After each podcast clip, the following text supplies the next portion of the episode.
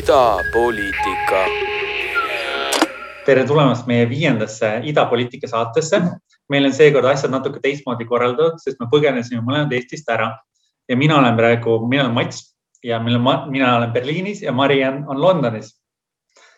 tere tulemast. tervitused Berliini sulle, Mats tänases saates me räägime, me alustame Brexitist ja mm, nii palju, kui sellest teemast ka räägitud ei ole, siis neid arenguid tuleb kogu aeg peale ja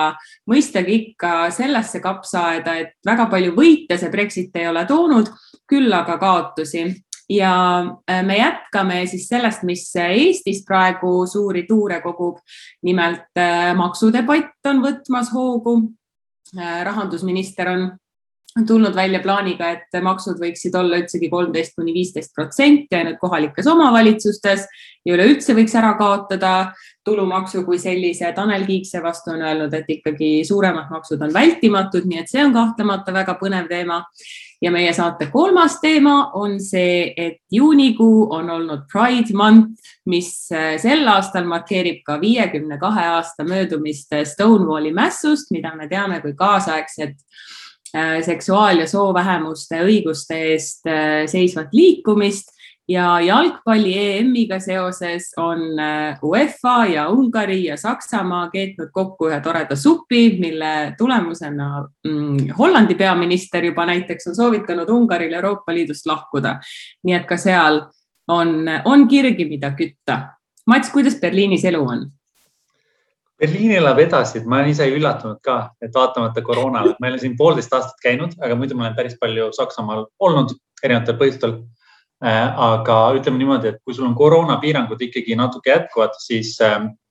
halb ilm on väga halb üllatus, et kui sul sajab vihma nädal aega ja siis on inimestel lubatud, kes ei ole kaks, kaks korda saanud kahte vaktsiini või millest on kaks nädalat möödas, nad peavad kogu aeg teste tegema mõnede asjade jaoks. et see on ainuke probleem, aga muidu on elu on ilus minule Londoni ilm väga meeldib, ma olin Tallinnas juba täiesti otsi andmas, üle nädala oli see kuumalaine seal kestnud, nii et ma ütleks, et Londonis on praegu selline oktoobrikuu ilm, mis on nagu natuke pettumust valmistav, sest tegelikult meil kohe algab juuli. aga selle Eesti kuumalainega võrreldes on siin väga värskendav, väga mõnus ja üldse ei nurise, samamoodi minul kuusteist kuud ei ole ma siin käinud, arvestades, et London on ikkagi olnud koht, kus ma olen juba viimased, ütleme siis enne koroonat kaks aastat äh, peaaegu iga kuu käinud mingisugusel hetkel. nii et selline mm, natukene koju jõudmise tunne oli ka, nii et äh, tuju on hea ja vaatame, kuidas meil see kaugsaade läheb aga enne kui me esimese teema juurde suundume, mis ongi Brexit ja see, kuidasmoodi see meid kõiki mõjutab, see, kuidas see edaspidi äh, reisimist mõjutab. Äh, me kuulame sissejuhatuseks muusikat ikkagi Briti äh, ansamblilt James ja nagu kõik head Briti bändid on ka nemad pärit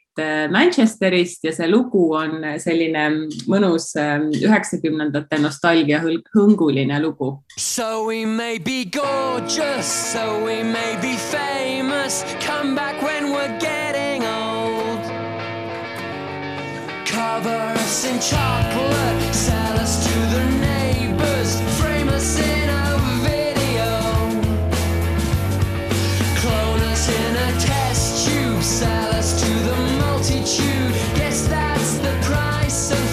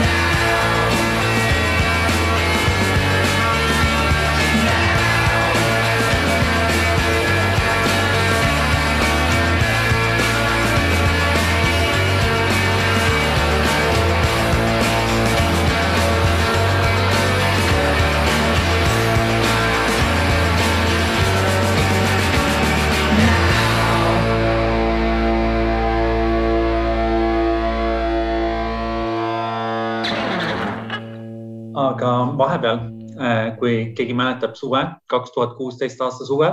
siis oli ka üks aastapäev, mis oli siis Brexiti referendumist ja see teema kuidagi elab jätkuvalt edasi, et see oli, ka põhjus, miks me tahame, tahtsime selle täna, täna lauale tuua. et meil on mõlemal UK-ga palju kogemust ja, ja Brexit kui selline on ka võib-olla õppetund populismile kogu maailmas. et, et kuidas asjad võivad, arengud võivad tulla ootamatult ja kiiresti ja mida need pikaajaliselt tähendavad. aga Mariann, kuidas sinu kogemused on Brexitiga, kuidas on üldse olla Brexiti järgses UK-s ja sinna varsti kolida? no ma võib-olla markeeriks ära meie mõlema seotuse UK-ga, et sina, Mats, ju õppisid siin Paati ülikoolis majandust ja politoloogiat, eks ole, omal ajal. ma mäletan, kui me sinuga tutvusime, siis sa olid just värskelt, olid kas lõpetanud kooli või just läinud sinna kooli Äh, ja mina olen oma äh, dokumentaalfilmi teinud siin riigis, nii et Suurbritannia meile kummalegi võõras kindlasti ei ole. ja Brexiti järgne London on noh, siin on nagu see, see, see metropol otseselt, noh, kui sa siin ringi kõnnid, ega sa tänava peal Brexitit ei näe, et ta sulle vastu ei tule, aga kui me faktidele otsa vaatame, siis kaubavahetus alanud aasta algusest Euroopa Liiduga on vähenenud viiendiku võrra. Euroopa Liidust ei saa toetusi enam Suurbritannia teadus ega põllumajandus, kusjuures põllumajandus äh, sai äh, noh, nii-öelda lootis või siis nagu elas äh, Euroopa Liidu toetuste peal kuni kahekümne viie protsendi ulatuses, kuni veerandi ulatuses. ja üks asi, mis veel vägagi isiklikult puudutab näiteks mind, on see, et siia õppima tulles, mis iganes ülikooli astmesse nüüd äh, on sul vaja õpilasviisat, tudengiviisat mis omakorda tähendab äh, üpriski suuri kulusid ja õppemaksud Euroopa Liidu tudengitele on äh, mõnel pool neljakordistunud, mõnel pool kolme, mõnel pool viiekordistunud, minu puhul neljakordistunud. ehk siis, kui varem kehtis näiteks niimoodi, et kohalikel Briti kodanikel ja Euroopa Liidu kodanikel oli sama õppemaks aga nüüd on Euroopa Liit nii-öelda kolmandate riikide all. Ehk siis kõik peale Suurbritannia ongi nüüd üks suur kolmas riik. Ja nad on nüüd õndsalt ja suures uhkuses ja ma ei tea, kas rahulolus või mitte, aga üksinda oma saarekese peal. Ja kõik ülejäänud eh, ongi siis nüüd selles mõttes käsitletavad kolmandate riikidena, sealhulgas Euroopa Liit, mis eh, avaldub ehm, kõikvõimalikes asjades, sealhulgas õppemaksudes ja, ja mis on veel nagu väga murettekitav, on see, et nad ju ähm, äh, räägid, noh, nad rääkisid hästi palju siis Brexiti pooldajad sellest, kuidasmoodi see ühendab nende riiki ja rahvast ja nii edasi. aga kui me vaatame, mis praegu toimub, siis äh, Šotimaal möllab separatism. Šoti referendum on taaskord äh, teravamalt päevakorral kui kunagi varem ja, ja kui sa Põhja-Iirimaa vahele tõmbad piiri ja see niinimetatud äh, vorstisõda, mis seal praegu käib, siis minu küsimus on, et kus kohas on see ühtsus, kui see Ühendkuningriik sõna otseses mõttes äh, laguneb laiali meie silme all, kui me vaatame, et noh, šotlased ei hääletanud kunagi selle poolt, aga nii-öelda ühise riigina ikkagi läks UK, UK hääl Brexiti kasuks, kuigi Šotimaal oli toetus ja on siiamaani Euroopa Liidule väga-väga kõrge ja Põhja-Iirimaa kaubandusküsimus on, on, on väga terav küsimus, et äh, ei tea mina, kuhu kohta sai see, sai see ühtsus, mille nimel Brexiti poolt hääletati. ja eks see Brexiti üks põhjus kindlasti on see inglise rahvuslus võib-olla, et Inglismaa on selles mõttes huvitav, huvitav moodustis on ju Suurbritannia suurim osa, et neil ei ole isegi enda parlamenti kui sellist, aga samas nad mõjutavad väga palju aga võib-olla vaataks üldse tagasi sellele ajaloole natuke, et kuidas UK sattus Euroopa Liitu, et kui Euroopa Liitu hakati looma neljakümnendate lõpus, siis tol hetkel UK oli majanduslikult natuke edukam Euroopa Liidust ja siis nad ei näinud vajadust, eriti Churchill siis ei näinud vajadust tol hetkel ühineda. aga üsna ruttu nad said aru, et kui Euroopa hakkas regulatsioone ühendama ja vaikselt hakkas, siis majanduskasv oli põhimõtteliselt kiirem, oluliselt kiirem mandril kui UK-s endas, et ta jäi nagu majanduslikult maha, sellepärast et tal olid teised standardid ja seetõttu tööstust võib-olla ei uuendatud nii kiiresti just viiekümnendatel, kuuekümnendatel. ja nad tahtsid ühineda, nad kuuskümmend üks juba andsid esimese avalduse, seitsekümmend kolm said liikmeks, sellest Prantsusmaa oli pikka aega vastu, ei tahtnud sinna sisse lasta ja leib ja nad astusid sisse, konservatiivid olid sel hetkel võimul ja majanduslikud põhjused loomulikult. ja Labour on ju hiljem tegi referendumi sel teemal tagantjärele, et kas me üldse tahame sinna astuda, on ju. ja Thatcheri ajastu, Thatcher oli võimul ainult seitsekümmend üheksa kuni üheksakümmend üks, et, et Thatcheri ajastul nagu nii-öelda võib-olla ähm, kinnistati selline nagu meie versus Euroopa mentaliteet on ju, et Euroopasse minnakse, lööd äh, käekoti vastu lauda ja nõuad oma õigust, et andke mulle paremini, rohkem ähm, ja noh, võib-olla rohkem kui teistele ka mõnedes asjades. et, ähm, et see kindlasti kinnistus hästi tugevalt selline mõtlemine. Äh, mis mulle hästi meelde jäi ka, kui mulle ülikoolis õpetati kogu Euroopa Liidu temaatikat ja Briti Euroopa Liidu astumist, siis Euroopa Liidu astumise hetkel oli, oli üks karikatuur, jäi mulle meelde, et seal oli siis nagu toodud siis UK oli nagu härrasmees ja siis impeerium oli siis tema siis naine, vanem naine, kes jäeti maha ja võeti siis nagu noor Euroopa girlfriend nagu uue, uue suhtena. et, et see, see. oi nagu, kui suurepärane karikatuur. et sellist, selline mõtlemine võib-olla annabki seda kuidagi edasi, et nagu justkui neil oleks kogu aeg valik, et kas on siis on impeerium või keegi midagi muud, on ju ja Euroopa Liidu puhul on hästi oluline ikkagi see konsensuslikkus äh, kui lahendus, et iga Euroopa Liidu seadus, iga Euroopa Liidu kokkulepe on alati, see ei ole lihtsalt ühe inimese välja mõeldud või kahe inimese otsustatud, vaid see on alati ähm, kompromissi, kompromissi, kompromissi, kompromiss. ja, ja võib-olla UK poliitika on üles ehitatud sellele ühe erakonna valitsemisele, et üks erakond saab ainult valimissüsteemi tõttu Äh, ka siis tavaliselt alati enamuse. inimesed ei saa aru sellest konsensuslikkusest valitsemisest kui sellisest. Nad lihtsalt mõtlevad, et keegi kusagil ühes kohas otsustab kõik. et see on nagu võib-olla selline traditsiooniline mõtlemine ja, ja kui me räägime sellest üheksakümnendatest on ju, kui, kui hakkas sellest ajast peale võib-olla see Euroopa Liidu tõesti nagu peksmine Briti meedias, et, et loodi sellised nagu üsna suured kujutluspildid on ju, et Euroopa on siis nagu äh, terasetorn, kus on inimesed, kes ei tea elust mitte midagi, otsustavad kõik ise. et see kuidagi läheb kokku natuke võib-olla ka võib-olla UK süsteemis on see võimalik, et, et äh, otsustatakse ise, poliitikud otsustavad, teevad, mis nad tahavad. Euroopas on see, et nad peavad arvestama tegelikult väga paljude riikide huvidega mulle väga meeldis see karikatuur ja see näide, mis sa tõid, et see illustreerib minu meelest väga hästi, et äh, Suurbritannia on alati näinud äh, mis iganes kombinatsioonis, olgu see siis nende impeerium või olgu see siis nemad ja Euroopa Liit, et noh, ta näeb ennast ikkagi nagu äh, teistest üle, teistest nii-öelda nagu ähm, kuidagi kõrgemal seisvana. Et impeeriumi puhul see noh, see oligi nii ja selles mõttes on sul natuke raske toimetada mingisuguses liidus, kus sa pead kompromissi ja kus kõik ei tantsi pilli järgi. Ja Suurbritannial on kahtlemata selline uh, uhkuse kompleks, et kui sa mainisid ka Suurbritannia rahvuslust ja Eestis kõikides riikides tänapäeval me kohtame rahvuslust ja oleme alati kohanud, siis ma arvan, et mis eristab Eesti rahvuslust Suurbritannia rahvuslusest, on see, et meil eestlastena on natukene nagu selline alaväärsuskompleks ja brittidel on natuke selline üleväärsuskompleks. Neil on raske nagu aru saada, et kuidasmoodi nemad ei ole enam maailma naba, sellepärast et ikkagi üle saja aasta on äh, ajaloos äh, maailm keerelnud Suurbritannia, kui nad ühel hetkel omasid ju ikkagi kahtekümmet viite protsenti tervest maakerast põhimõtteliselt ja, ja üks väga hea raamat, mis räägib äh, Brexit Ähm, kui sellisest nagu nostalgia poliitilisest ettevõtmisest, selle, selle pealkiri äh, heroic, um, heroic failure ehk siis nagu kangelaslik läbikukkumine, et äh, isegi kui sa nagu fail'id Brexitiga, pead ikkagi nagu kuidagi äh, äh, kuidagi nagu endale kinnitama, et, et noh, et sa oled ikkagi nagu see, see kangelane loos, kellele on liiga tehtud. see on väga-väga huvitav ja, ja, ja noh, need Brexiti sõnumid ka sellest, et kui sa siis pidi olema, et uh, take control, siis sinna ühel hetkel Dominic Cummings otsustas, et me lisame sinna ka take back control, et see, see, see oli nagu nii osav äh, poliittehnoloogiline operatsioon oli see Brexiti kampaania et eh, noh, ei ole mitte mingit kahtlust, et sellised sõnumid toimivad ja toimisid aastal kaks tuhat kuusteist Suurbritannias, et take back control oli noh, põhimõtteliselt sellest sõnumist piisas, et Brexit ära teha.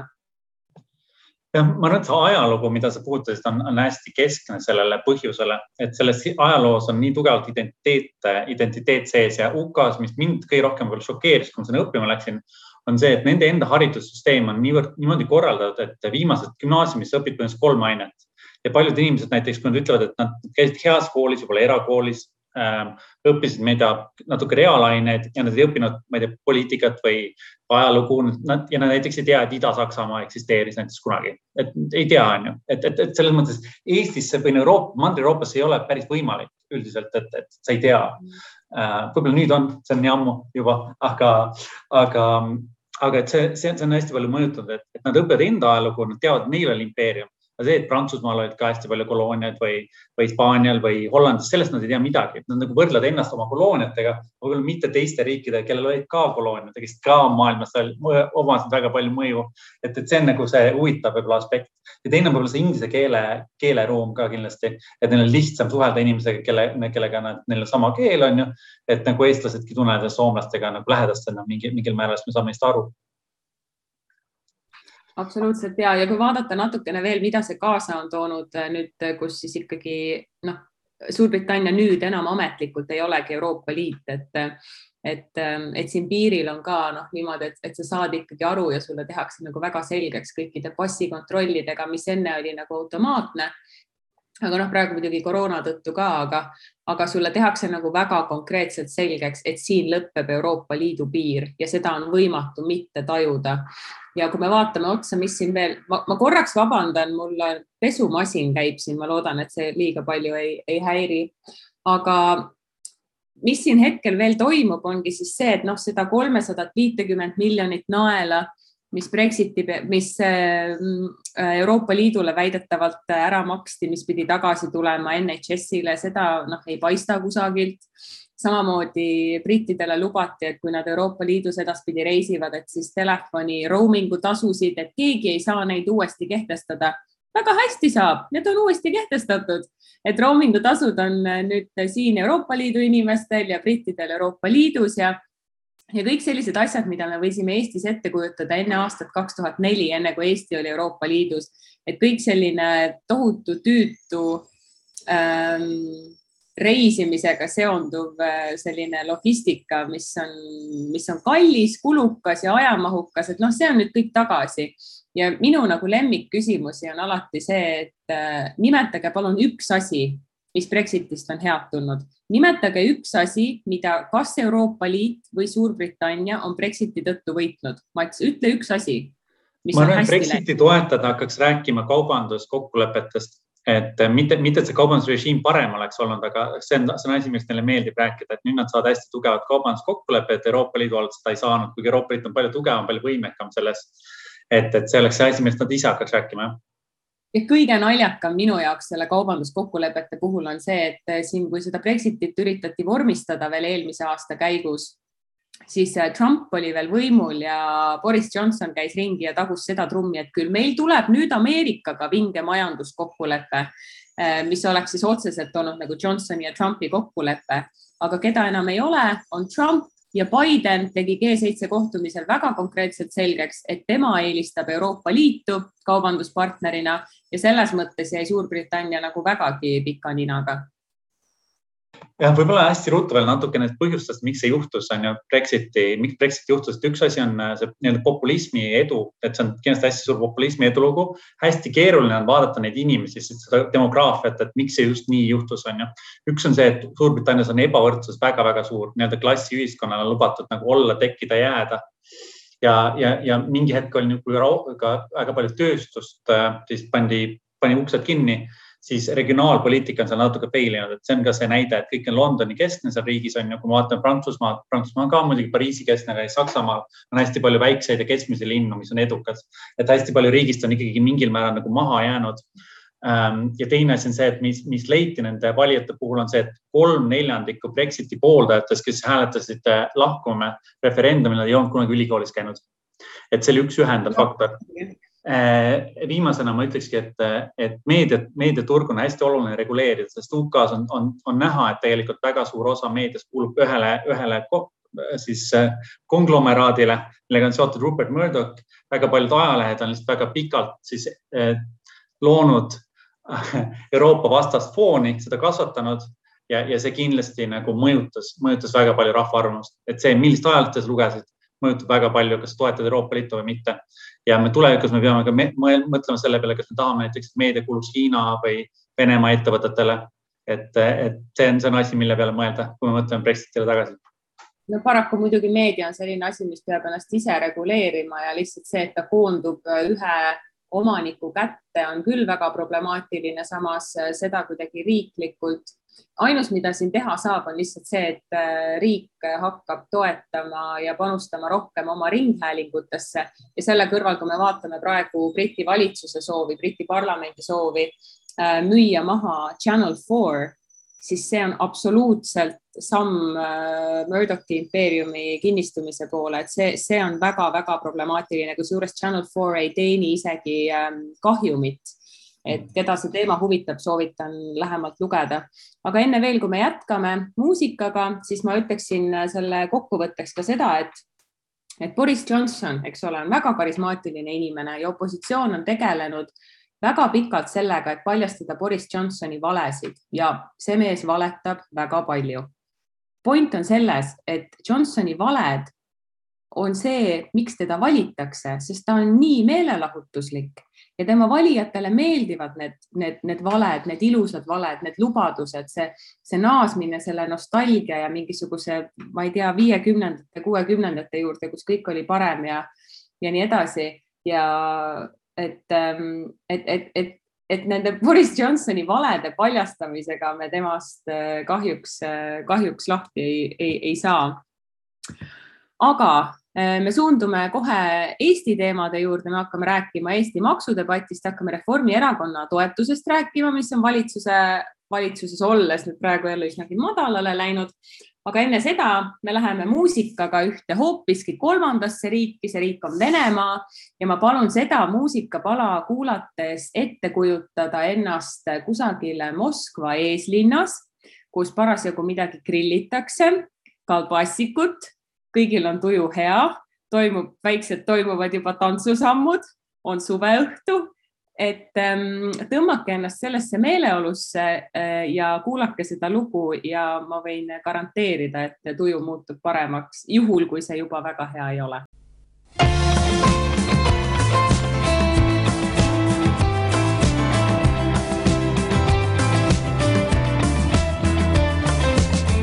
Осталось никаких сомнений. Похоже, счастлив я и не слегка. Чтобы в таком хорошем настроении И голова легка, хоть ночь и коротка. Все это ты, и ты не привидение. Фантастика, фантастика что мы остаемся вместе. На века, на века, чтобы мечты не превращались в пену, не убегали на утек, все выкипев до дна. Я назову тебя галактикой, вселенной и буду бороздить звезд до черных дыр. Без устали и сна Ведь это ты, и ты не привидение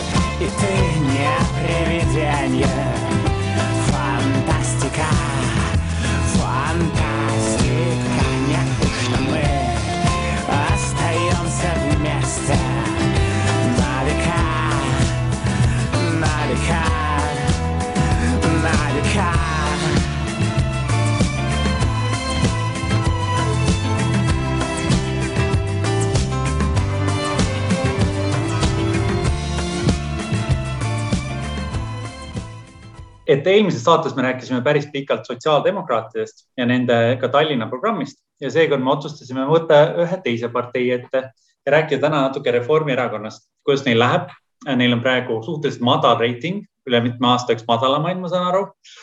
samuti nad tegelikult tulid välja ka Tallinna programmiga, millest me eelmine kord, mida me eelmine kord ei maininud, natuke kommenteerime ka seda. ja siis on meil ka palju maksuteemasid tulnud lauale, et maksu, maksud on üks teema, milles Reformierakonnal on alati kindlad vaated olnud ja, ja, ja, ja kindlasti need on, need on taaskord lauale tulnud seekord. et seega no, ei hakka me vaidlema sel teemal mina siin Londonis olemise ajal olen vaadanud ja huviga, et, Eestis on mingisugune väga selline äh, huvitav maksudebatt tõesti lahti läinud, et ma selle, sellelaadset nagu mõnda aega pole isegi nagu näinud, et maksud on ju Äh, maksud on ju justkui jah, selline püha teema, mida, mida keegi ei puuduta, sest et tundub, et kõik on meie õhukese riigi, õhukese maksusüsteemiga väga rahul. Ja mõnes mõttes on see arusaadav, sest Eesti palgatase üleüldiselt ei ole nii hea, et me saaks äh, sellist nagu tõesti äh, tulusat tulumaksusüsteemi kehtestada, aga samas selge on ka see, kasvõi globaalseid trende vaadates, et, ähm, et sellise väga madala ja ühetaolise maksusüsteemiga edasi minna, ei ole lihtsalt jätkusuutlik, kui me tahame oma äh, terviseteenuseid, hoolekandeteenuseid ja kõiki muid avalikke teenuseid ähm, nagu päriselt ka tõhusana hoida ja tõhusamaks teha ja kõigile kättesaadavamaks teha. ma ei tea, Mats, kuidas sinu tunded on, ma tean, et meie vaated on selles osas nagu natukene erinevad, aga mida sina sellest poolest arvad, ma ütlen vaatajale võib-olla selle ka ära, et, et kui Tanel Kiik, eks ole, siin hiljuti kirjutas oma arvamusloos Postimehes, et see, et see on vältimatu, noh, viidates ikkagi astmelise tulumaksu paratamatusele. Ja, ja kui Keit Pentus-Rosimannus, rahandusminister, tuli välja, et me võiks tulumaksu riiklikult täielikult kaotada ja kehtestada selle ainult kohalikes omavalitsustes, siis need on nagu diametraalselt erinevad seisukohad ja mulle tundub, et see, mida Pentus-Rosimannus proovib teha, on, et ta proovib suunata seda debatti nagu hoopis diametraalselt teises suunas. et see tulemus võiks siis parimal juhul olla see, et mitte midagi ei muutu sest kui üks pool räägiks meile, et jätame samaks ja teine pool ütleb, et tõstame, siis võiks tulemus olla see, et me natuke ikkagi tõstame, aga kui üks ütleb, et tõstame, teine ütleb, et vähendame, siis on lootust, et tulemus on see, et mitte midagi ei muutu et äh, kuidas sina seda vaatad? poliitilist vaatenurgast kindlasti maksude langetamine kui selline asi on ikkagi asi, mida, mida paljud Reformierakonna toetajad kindlasti toetavad äh, ja taha, tahaks näha rohkem maksudes, mis mind ennast hiljuti, mis mind tõesti natuke ärritas tegelikult, on, äh, mida me kuulsime ühest teisest raadiosaatest hiljuti, et Kuku raadio keskpäevatunnist, et astmelise tulumaksu tekitamine või selle üle arutamine on mõttetu teemaarendus ja klassiviha tekitamine. et ma ütleks selle kohta mis seda, et me räägime klassivihast mingist ühiskonnas, siis. Äh, vabandust, tahtsin öelda lihtsalt, et see on tsitaat, mis kuulub Priit Hõbemägile. jah, meie hea sõber Priit Hõbemägi loomulikult Äh, et, äh, et klass, kui me räägime klassivihast mingis ühiskonnas, kui me räägime üldse klasside tekkimisest juba, siis, äh, siis see just tähendab seda, et me peaks ühiskonnana sekkuma varem, varem kui hiljem. et, et kui meil tekivad klassid, siis, siis see vajab just ühiskonna toetust, et ma aitaks järele neid, kes jäävad maha ja, ja see on, see on, see on väga huvitav statement, see tõesti nagu mind pani ka nördima, et et see on kuidagi klassivaenu tööriist, et esiteks lepime siis kokku, kas meil on Eestis klassid või meil ei ole Eestis klassid. Ja teiseks on see justkui nagu sellised priviligeeritud positsioonilt ikkagi rääkimine, samamoodi nagu ütles Heldur Meerit selles Keskpäevatunni saates, et see justkui nagu kuidas ta ütles täpsemalt, et ma praegu ei tsiteeri, aga tema mõte seisnes selles, et ta ütles, et, et see kõrgema maksu kehtestamine oleks justkui jõukamatele koha kätte näitamine, et vääname siis neile, mis lihtsalt näitab ainult seda, et inimene tunneb ennast isiklikult puudutatuna, mitte midagi muud see ei näita, sest et tegemist on tõenäoliselt inimestega, kes ei oska ega suuda endale ette kujutada majandusraskustes inimeste reaalsust, sest nad pole seda kunagi pidanud kogema ega ette kujutama ja võib-olla oluline asi on see, et Eesti maksusüsteem kui selline on välja töötatud üheksakümnendatel aastatel, kui Eestis ei olnud kapitali, nii et kogu see, see põhjus, meil on nulliprotsendiline tulu, tulumaks on reinvesteerimisel, põhjus on selleks, et kapital tekiks. nüüd on kapitali väga palju olemas, on inimesi, kellel on tohutult palju maju, kortereid ja aktsiaid ja mida kõike veel ja on inimesi, kes teenivad kuussada eurot palka ja neil ei ole mitte midagi. et selles mõttes nagu see samamoodi jätkamine loomulikult ei ole nagu, me peame lihtsalt mõtlema kuidas ja keda maksustada, et, et see on selles mõttes maksudest, ma arvan, võiks kindlasti rääkida ja see peaks olema väga pikalt analüüsitud, kui me oma maksusüsteemi muudame või uuendame. aga Pentuse ettepanek konkreetselt, tulumaks võiks olla väiksem, kolmteist kuni viisteist protsenti. mida ma tegin pärast seda, ma läksin vaatama riigieelarve numbreid ja mida ma leidsin sealt on see, et riigieelarve ähm, maksu, maksutulu on kokku äkki seitse koma kuus miljardit ja sellest võib-olla ainult kuussada miljonit on siis füüsilise ja juriidilise isiku tulumaks ehk siis umbes, umbes pooleks ka, ehk siis ettevõtete tulumaks ja isikute tulumaks. aga see on siis kolmsada kolmkümmend üks miljonit äkki selleks, selleks aastaks planeeritud. Äh, kui me vaatame äh, seda, et see on siis kakskümmend protsenti praegu, me siis vähendaks seda,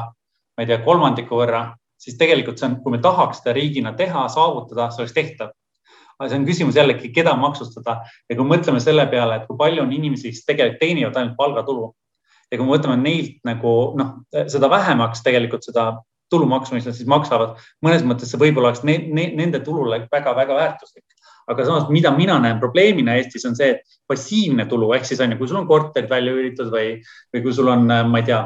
aktsiaportfell või mis iganes, mis toodab ise tulu, sa ei, pea tööl käima, sa ei pea väga palju tegelema manageerimisega. et see on nagu, kui sul on ettevõte, on ju, siis sa maksad null protsenti selle pealt. see on väga tore, on ju, palju on sõpru, sõpru-tuttavaid, kes, kes saavad väga edukalt iga kuu rikkamaks, on ju, tänu, tänu oma oskus, oskuslikele investeerimisele. ja see, selles ei ole midagi valet, aga lihtsalt, et praegu kaks tuhat kakskümmend üks on meil selline süsteem, kus tegelikult nagu jõukamad inimesed saavad null protsenti maksta ja päris, päris mugavalt oma jõukust kasvatada. et, et noh, meil on küsimus, et kas see on nagu nii vajalik et, et äkki, äkki see nulli protsendi asemel võiks tõesti tõmmata seda tulumaksu kõigile palju madalamaks, eelkõige nendele siis, kes vähe teenivad, et võib-olla selline laiem reform. jah me võiks tulumaksust kaugemale vaadata, sest et ega tulumaks ei ole ainuke maks. Ja, ja mis on tõsi teisest küljest on see, et näiteks tööjõumaksud on võib-olla tõesti eriti väikeste ja keskmiste suurustega ettevõtetele võib-olla tõesti ebaproportsionaalselt suured praegu, et me, et me millegipärast räägime ainult sellest tulumaksust, aga varamaks on täpselt võimalus adresseerida kõike seda, mida sina just ette lugesid ja varamaksu osas äh, võttis Riigikogu ka otsuse vastu, et siis mõne aasta pärast hakatakse näiteks kinnisvara äh, maksustama vastavalt selle turuväärtusele, mis on samm õiges suunas kahtlemata. aga, aga erinevaid makse, kuidasmoodi seda jõukust äh, ikkagi nagu õiglasemalt ühiskonnas ümber jagada on veel ja, ja see tulumaksu puhul peab vaatama, et see nii-öelda Eestis mitte nüüd kõige paremini elav keskklass, et Eesti keskklass ei ole kaugeltki väga jõukas inimene, et see maksukoormus ei langeks ega kuhjuks sinna keskklassi peale ja selles mõttes on see jah, väga-väga huvitav debatt ja võib-olla nagu laiemas sellises maailmavaatelises kontekstis inimestele selgitada, mulle, mulle tundub, et see väga elementaarne asi pole Eestis nagu avalikus debatis kohale jõudnud. miks jõukuse ümberjagamine on vajalik, see ei ole ju jõukatele inimestele väänamine, nii nagu seal Keskpäevatunni saates kõlas, et see jõukuse koondumine ja vaesuse suurenemine on reaalne oht demokraatiale, sellepärast et see tekitab äh, võimu koondumise kohtadesse, sellepärast et raha ja kapital on, on, on võim iseeneses. Ja kui see võim koondub ja kristalliseerub ja tsementeerub mingitesse kohtadesse, siis see tekitab sellise jõupositsioonide ebaühtluse kus ühiskond ei saa toimida enam ausatel ja võrdsetel alustel, see on oht korruptsiooniks ja see tekitab meile ettevõtteid, kellel on äh, teatud mõttes poliitiline mandaat, tähendab, kellel on poliitiline võim ilma mandaadita teha oma ettevõtte läbi äh, või oma isikliku jõukuse läbi mingisuguseid otsuseid, milleks tal puudub mandaat. Ja see on see oht, mida peab äh, maksusüsteemiga ennetama ja, ja täpselt sellepärast ongi äh, jõukuse õiglasem ümberjaotamine, mis ei tähenda mingisugust kommunistlikku võrdset, võrdseks jaotamist, eks ole, aga, aga nende riskide maandamine ongi riigi ülesanne ma olen nõus, ma arvan, et see vahe Ameerika ja Euroopa vahel on ka näiteks see, et kui sa Ameerikas jääd töötuks, sa oled väga rikas, maksad väga palju makse, sul on tohutu ettevõte ja kui sa mingi hetk lähed pankrotti, siis sul ei ole mitte midagi ja võib-olla sind, sind kaevatakse kohtusse niimoodi, et sa jääd kodutuks ja tänavale. Euroopas see nii ei ole, et selles mõttes me ei tea kunagi nagu millal, millal me võib-olla vajame rohkem riigi tuge, et see on, see on, see on selle Euroopa süsteemi, mis on rohkem sotsiaaldemokraatlik ja kus tõesti tuleb maksta rohkem makse,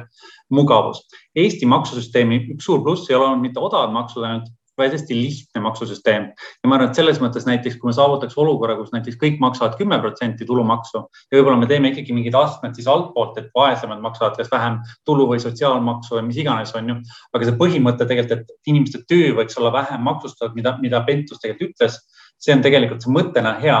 ja võib-olla oleks see, võib-olla oleks see hea, et me vaataksime oma tulumaksusüsteemi ka laiemalt ikkagi üle, sellepärast seda OÜ-tamist ja nagu mitte kunagi makse maksmist ja oma siis endale pensionisamba kasvatamist passiivse tuluga on, on väga palju. Ja see on inimestele tore ja, ja see on hea, kui neil läheb hästi. aga meil on Eestis väga palju inimesi, kes teenivad tegelikult palju vähem, kui on keskmine palk, kes teenivad alla tuhande euro kuus.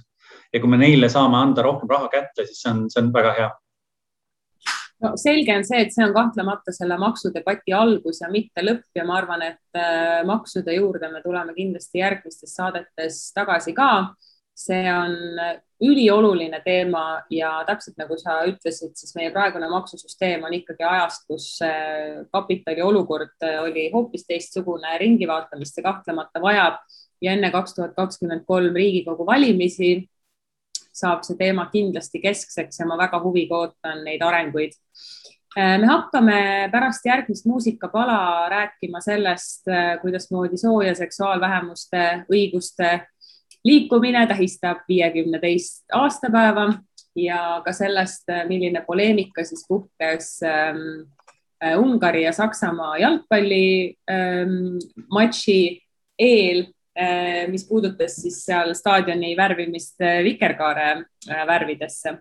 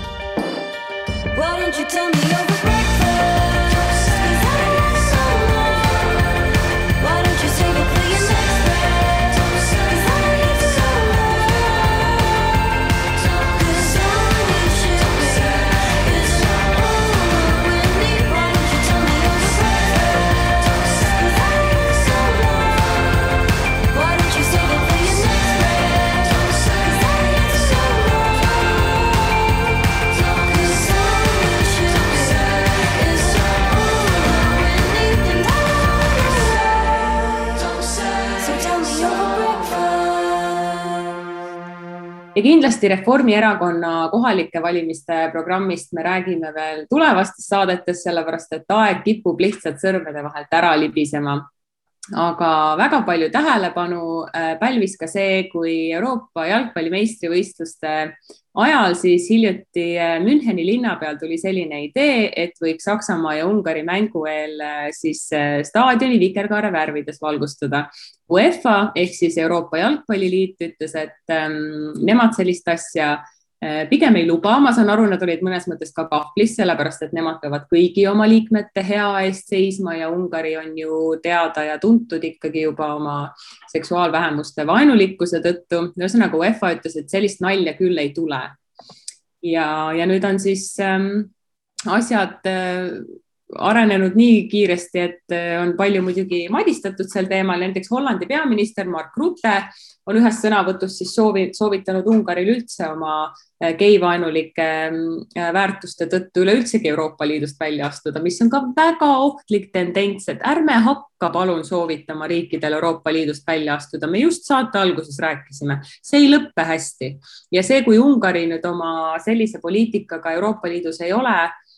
ega, ega ta sellest ei muutu, ega ta sellest kuidagi nagu inimsõbralikumaks ei muutu, kui ta Euroopa Liidust välja astub, et, et hoia, hoiaks nagu sellisest tendentsist ka eemale. aga mida on tore vaadata, on see, et minu meelest Saksamaa on siis nagu teisi linnu teiste mängude puhul ähm, valgustanud vikerkaare värvides staadionit või vähemalt on need vikerkaare sümboolika on väljas olnud ja näiteks mina, meil oli eile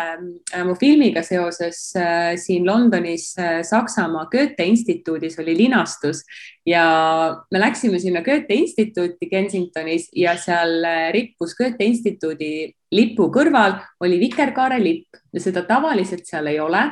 ja kuna eile oli Inglismaa ja Saksamaa mäng, siis vabandust, üleeile siis, äh, siis oli ka see vikerkaare lipp sinna pandud, sest Inglismaal ja Saksamaal kummalgi tõenäoliselt midagi selle vastu ei ole, nii et ilmselt siis Goethe instituut näitas sellega oma solidaarsust, mis on konkreetselt, ma arvan, ajendatud sellest äh, Saksamaa-Ungari mängu äh, ümber lahvatanud ähm, poleemikast, nii et seda, seda oli tore näha, nii et vähemalt siin Londonis igal võimalusel ähm, üritatakse seda, seda toetust äh, näidata jah, mis ma võib-olla vahepeal ütleks seda, et see seadus, mille Ungari tegi, mis on natuke sarnane siis Venemaa omaga, mis siis keelab justkui homopropaganda ehk siis homoseksuaalsusest positiivselt rääkimine. Ja samamoodi ähm, siis nii-öelda inimesi võib-olla soo vahetamisele suuna, mis ka soovahetust ei tohi positiivselt näidata, siis alla kaheksateist aastastele inimestele, see tähendab koolides ei tohi rääkida, reklaamides ei tohi rääkida aga see probleem nende seadustega on alati see, et see nii-öelda see mõju on alati laiem, et näiteks Venemaal on küsimus, et kui sa paned, ma ei tea, kaks, kaks poissi panen Facebookis kusagil pildi peale, et kas see võib ka nagu olla homoseksuaalsuse promomine näiteks või kaks tüdrukut tuudlevad kusagil. et, et, et see on jällegi, läheb inimeste eraellu igatepidi ja selle eesmärk loomulikult on palju laiem, et need autoritaarsed režiimid ja samamoodi siis nagu autoritaarpopulistid või mida me ütleme Orbani kohta mingil määral ta kindlasti on nagu igatahes ta on Ungaris demokraatia ära killinud, demokraat, Ungari ei ole enam ametlikult demokraatlik riik äh,, ametlike siis äh, mõõdikute järgi.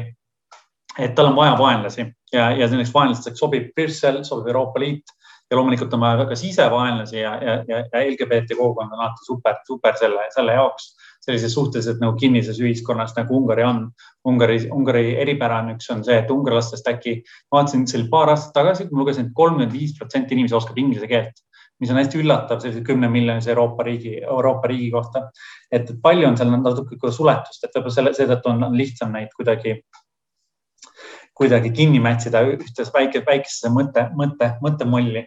ja Ungari puhul on oluline ka see, et neil on valimissüsteem selline äh, nagu UK-s, mis tähendab seda, et, äh, et äh, neil ei ole proportsionaalsed need tulemused, vaid igas ringkonnas võidab üks kandidaat ja seetõttu on, on seal Orbani siis erakonnal on palju lihtsam ka võimule jääda. et see on võib-olla see laiem, laiem teema. kahju on jah see, et, LGBT kogu satub selliseks, satub valesse, valesse kohta aga Mats, mis sa arvad, kas Eesti Riigikogus moodustati Ungari toetusrühm või mitte? Ma ei, kas ma olen mingist uudist ilma jäänud?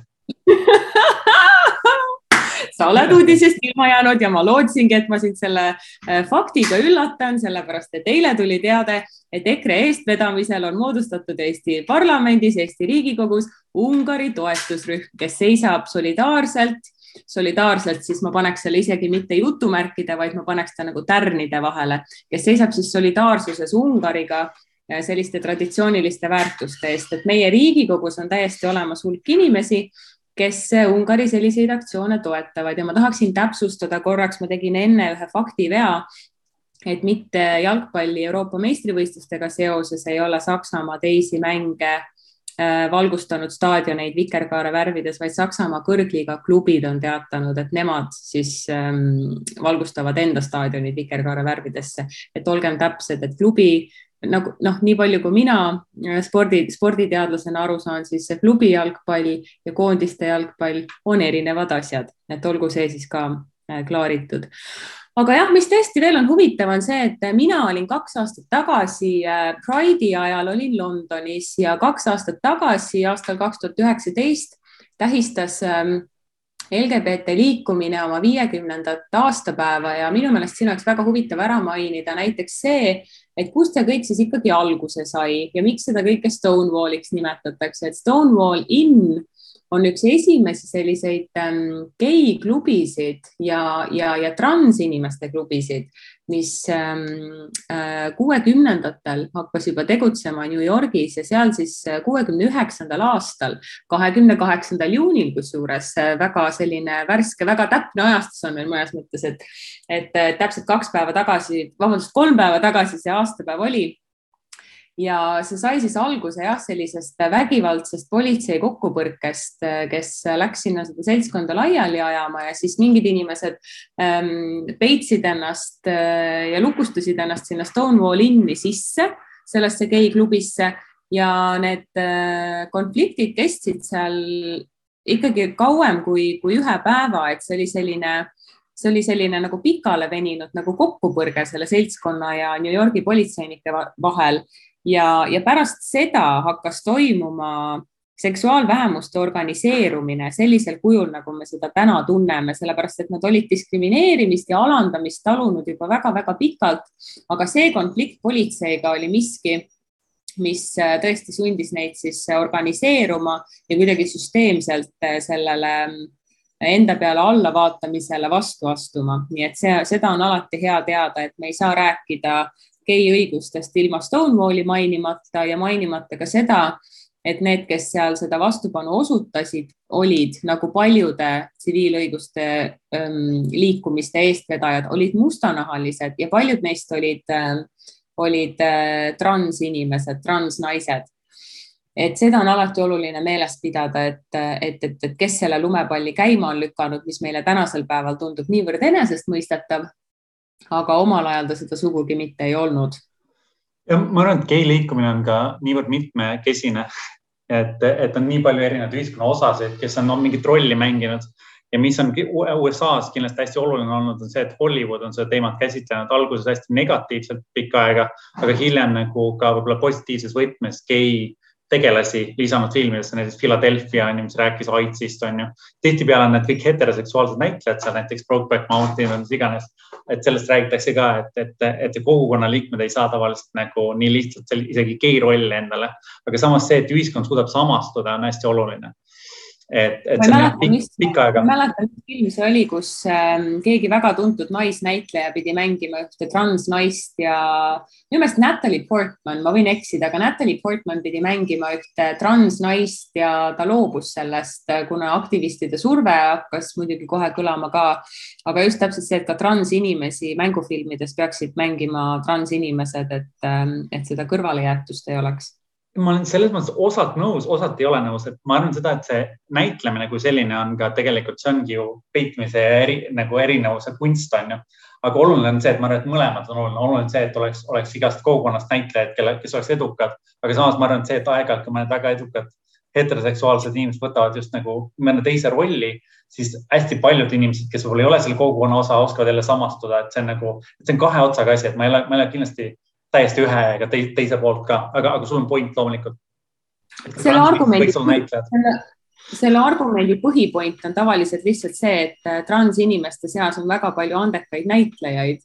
ja, ja sellised noh, rollid oleks neile kuidagi nagu kõige noh, võib-olla naturaalsemad, et pigem on see nagu selline üleüldise kaasatuse küsimus jah, tõesti aga, aga toimus ju ka Eestis, äh, kusjuures üleskutse ka siinkohal, kes soovib reedel osaleda, siis minu meelest Tallinnas toimub selline üritus nagu Vikervelo, mis saab alguse kell seitse Vabaduse väljakult, et on võimalik siis ka, ma arvan, et see on Pride Monthi lõpuüritus, ma praegu peast täpselt ei mäleta, aga toimus juba hiljuti Tartus näiteks äh, heameeleavaldus, mida korraldasid siis poliitilised erakonnad, küll seda korraldasid äh, rohelised, korraldasid Eesti kakssada ja korraldasid sotsiaaldemokraadid ja nende erakondade noorteühendused. ja, ja väga palju oli väga-väga noori inimesi sellel üritusel, et seda oli väga huvitav, huvitav jälgida et kohati võis isegi tekkida küsimus jah, et äh, ma tean, et paljudel meediainimestel tekkis küsimus, et kas need inimesed on üldsegi täisealised, kes seal kogunevad, aga noh, koguda või koguneda võivad muidugi ka alaealised. Aga, aga see seltskond oli, oli suures osas ikkagi väga-väga noor, et minu meelest see on, on hästi huvitav, see on küll ootuspärane, aga see on hästi huvitav, et järjest nooremad inimesed kuidagi nagu julgevad välja tulla ja peavad oluliseks selle eest äh, seismist. jah, ma arvan, et sellest saabki mingi hetk mitte igav võib-olla, aga selline lihtsalt tavaline teema, mis ei ärrita, ärrita inimesi nii palju ja mis, mis on tavaline elu osa, et ma arvan, et Saksamaal juba mingil määral on, et ühiskonna enamus toetab Äh, LGBT kogukonna õigusi, aga loomulikult paremäärmuslased, mida nemad ütlevad, on see, et justkui on kohustus, et kõik peavad olema Pride'i toetajad ja, ja nad nii-öelda äh, näitavad seda, et nad vaesekesed, et jälle varsti pannakse, ma ei tea, jalgpallisärgile mingi vikerkaarelipp ja siis elu on läbi. Et, et alati leiab, leiab põhjuse olla nagu kedagi ärritada või olla, olla millegi vastu. aga üks asi, mida ma võib-olla täna unustasin mainida, on see, et vahepeal ka äh, sotside noorteühendus tegi ühe controversial natuke märkuse. Nad ütlesid seda, et narkootikumid peaks olema legaliseeritud, mis ei ole selle erakonna, erakonna äh, enda seisukoht. aga, ja sellele reageerisid kohe kesknoored ja IRL-i noored, Isamaa noored, ütlesid, et äh, never ever, et äh, peab samamoodi jätkama ja, ja, ja see suhtumine on ka natuke see, et, et, et kanep on sama, et kanepist siis hakatakse süstima. et ma olen ise rääkinud ühe Riigikogu liikmega Keskerakonnast sel teemal, kes samamoodi leiab, et, et, et, et kanep on näiteks sama kui süst on narkomaania. et selles mõttes see, see kindlasti nii ei ole ja, ja mis on, mis on kurb, on see, et, et Eesti kulutab päris palju raha, et inimesi vangi panna, et inim-, et otsida, kuigi tegelikult võiks kulutada selle raha lihtsalt selle peale et, et ähm, sõltu, sõltuvust ravida. ja, ja ma arvan, et see olukord näiteks, mis on Portugalis, kus vähenes tegelikult narkootikumide tarbimine selle, selle võrra, et, et keskenduti siis nii-öelda selle just mitte kriminaliseerimise asemel äh, sõltuvuse ravimisele. et, et see on, see on kindlasti asi, mida me võiks vähemasti uurida. Äh, selle asemel, et me teeks hästi, hästi blunt statement'e selle kohta ja, ja mina tulen tagasi selle teema juurde, mis selle ploki teema oli, ehk siis äh, soo- ja seksuaalvähemused ja võtaksin selle kokku sellise isikliku tõdemusega, et minule meeldiks tegelikult, ma olen, ma olen hästi väsinud nendest debattidest selle üle, et kas ähm, seksuaalvähemuste õigused on inimõigused või mitte, et ma, ma, ma olen sellest kohutavalt väsinud, ma ei saa aru, miks me sellest ikka veel rääkima peame, miks me seda noh, kui raske saab olla seda aktsepteerida, et see, see teema ei vääri sugugi nii palju tähelepanu, kui ta saab lihtsalt selle tõttu, et mingisugused äh, aktiivid ja poliitilised kogukonnad otsustavad, äh, et on teatud, teatud gruppe ühiskonnas, kellele inimõigused võiks mitte laieneda. kui sa maksad makse, kui sa oled igatepidi äh, noh, kodanik või isegi mittekodanik, et sellest muidugi sinu inimõigused ei tohiks sõltuda, aga miks ei ole meil samasuguseid, noh, samasugust ligipääsu siis äh, abielule ja, ja, ja varade jagamisele, pärandamisele, lapsendamisele. et minu meelest see debatt on juba nii iganenud, et ma ei tahaks sellest üldse rääkida. aga ma mõistan, et seni, kuni need käärid on nii suured, tuleb seda teemat ähm, üleval hoida. aga Mats, väikesed suured asjad on, on see, millest me saate lõpuosas räägime